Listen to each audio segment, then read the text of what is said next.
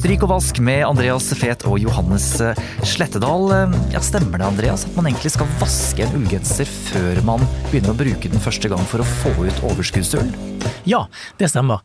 Og gjerne vask den en god del i begynnelsen. For det som er når du har eh, strikket en ullgenser, da, så er det masse små fibre igjen i den. Og det er det som kommer frem etter hvert, som disse lodottene som mange kjenner til.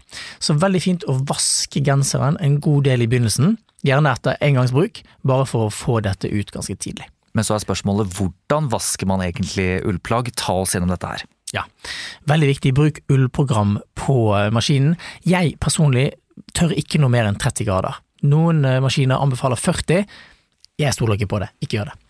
Uh, ta ullplagget rett inn i eh, vaskemaskinen, sett det på ullprogram, 30 grader, relativt lav sentrifugering. Jeg ville hatt kanskje, kanskje medium, 600-800 Eh, et sted, for ikke at det skal bli så utrolig krøllete.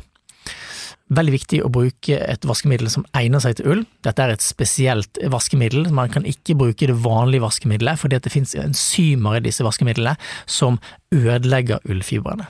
Så kjøp et spesielt vaskemiddel til ull, og gjerne også silke, de kommer gjerne sammen.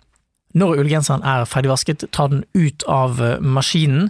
Ikke heng den på en kleshenger, da vil vannet dra og gjøre genseren eller plagget lengre. Det skal aller helst ligge flatt, gjerne på baderomsgulvet og tørke.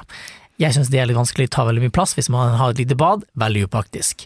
Men ha et tørkestativ og heng det over en god bredde og lengde av dette vaskestativet, sånn at det ikke henger liksom over én enkel strimmel, for da får du en veldig tydelig kant midt på genseren som ikke tar seg veldig pent ut. Det jeg også gjør med mine ullgensere når de er ferdig eh, tørket, da er gjerne litt krøllete, spesielt hvis du har et eh, pent og glatt eh, um, utgangspunkt på genseren. Ta den og bare overstryk gjerne litt lett. Svak varme, en god del damp. Og, og, stryk den litt pent og forsiktig, så retter du ut alle krøllene, og du får et eksepsjonelt pent resultat. Og når man først har gjort dette her, Andreas, så trenger man egentlig ikke å vaske ullgensere så ofte etterpå. Da har man fått ut overskuddsull, da er det egentlig bare én ting som gjelder, og det er å lufte plagget? Det er helt riktig. Og igjen da, eh, gjerne ikke på en henger, men kanskje bare heng det over tørkestativet og bare la det lufte.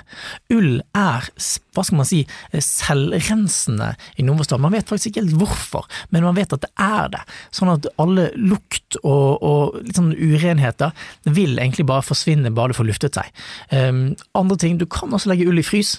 Frys ullet for, for, å drepe bakterier som fører til lukt, eh, så vil det også funke. Da vil ett eller to døgn tror jeg vil holde.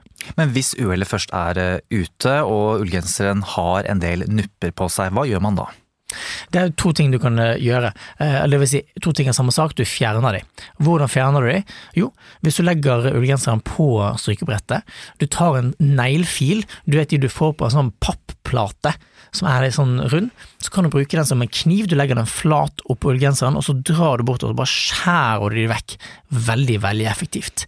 Det fins også, eh, det som er ting nummer to, det fins maskiner som kan gjøre dette. Litt som en barbermaskin som bare spiser det opp. Litt høy risiko, synes jeg, for hvis du presser litt hardt, så tror jeg du kan faktisk spise hull i ullgenseren. Jeg ville vært forsiktig med det, og heller begynt med neglefiltrikset.